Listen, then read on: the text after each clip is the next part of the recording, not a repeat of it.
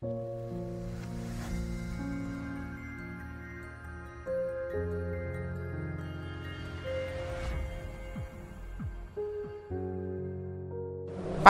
bagi wali. Kalau menang dikit-dikit menampakkan karomah dikit-dikit menampakkan karomah itu pantangan. Bahkan ada sebagian ulama mengatakan seorang wali yang menampakkan karomah itu tak ubahnya seorang perempuan yang kelihatan darahnya di saat head netes-netes gitu. Aib. Nggak bagus. Ditampak-tampakkan. Karomah itu kayak lagi head lah kok. Netes tembus itu malu.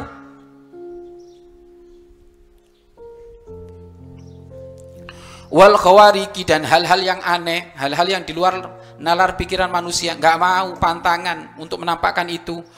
Wa imukinu minha sekalipun beliau pasti bisa, sekalipun mereka pasti bisa. Wasurrifu fiha sekalipun beliau pasti bisa menggunakan karomah tersebut. Wong orang pilihan dicintai Allah sangat mudah untuk menampakkan karomahnya tapi laki-laki nggak dibuka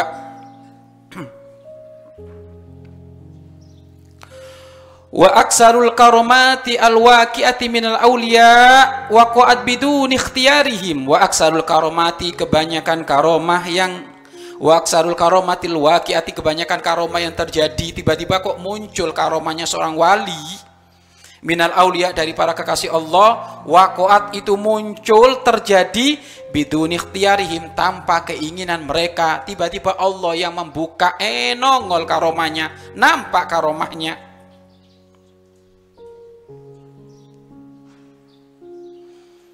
kamu lagi umroh lagi umroh lagi tawaf di depan masjidil haram tiba-tiba masya Allah kamu kelihatan di situ kok ada guru mulu ini guru saya ada di sini.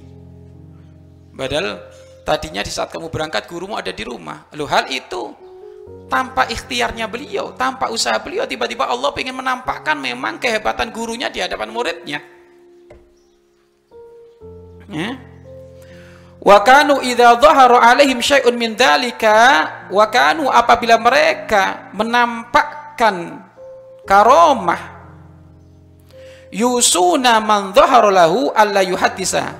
Maka mereka berwasiat kepada orang yang melihat karomah tersebut alla yuhaddisa untuk tidak banyak bercerita bihi dengan keberadaan guru tersebut hatta yahruju minat dunia sampai keluar dunia murid tadi ngejar gurunya kelihatan ada di depan Ka'bah dikejar gurunya disalam assalamualaikum guru jawab gurunya waalaikumsalam tapi apa kata gurunya la tatahaddas Hada baini wa bainak wa Allah. Gitu, ini urusan saya dengan inti. Jangan ngomong-ngomong inti.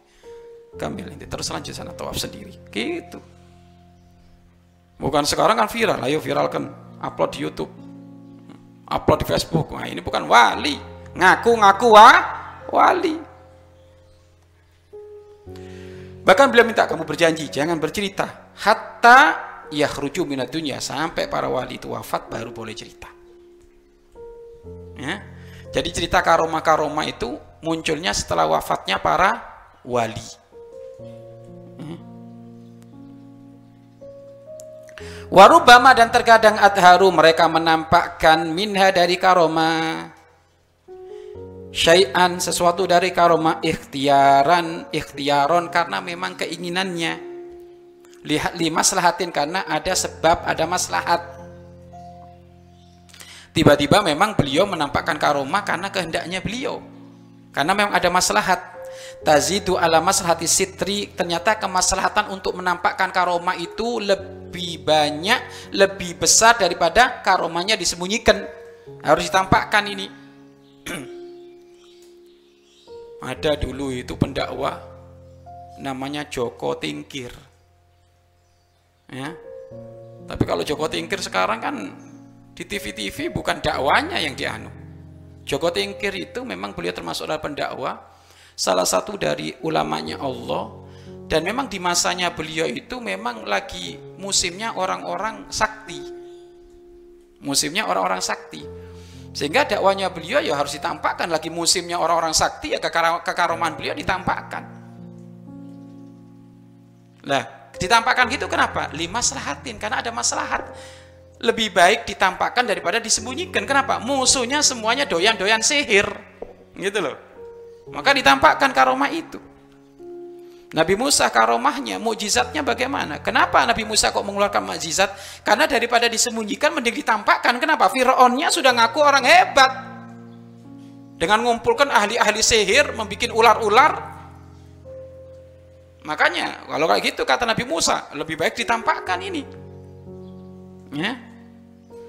Di saat dikejar Fir'aun, ya, tidak bisa ke mana-mana lagi kecuali di depannya ada laut, di belakang Fir'aun. Maka bila berserah diri kepada Allah, maka Allah pun memberikan wahyu kepada Nabi Musa, idrib bi asokal hajar, pukul itu tongkatmu ke,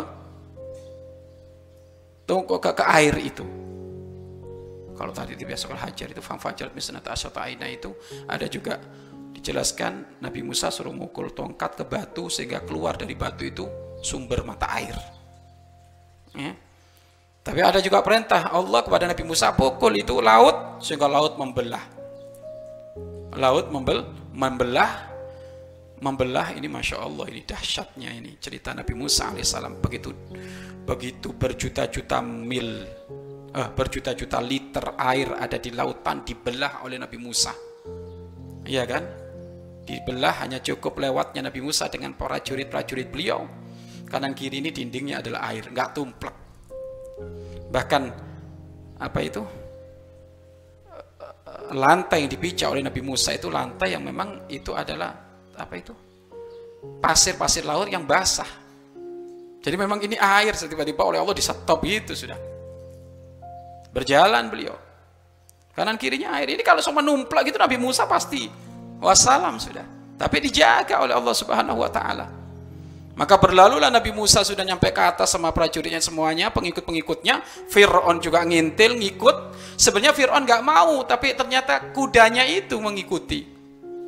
Akhirnya Fir'aun ada di pertengahan, pasukannya ada di pertengahan, baru ditumplakkan lagi itu laut.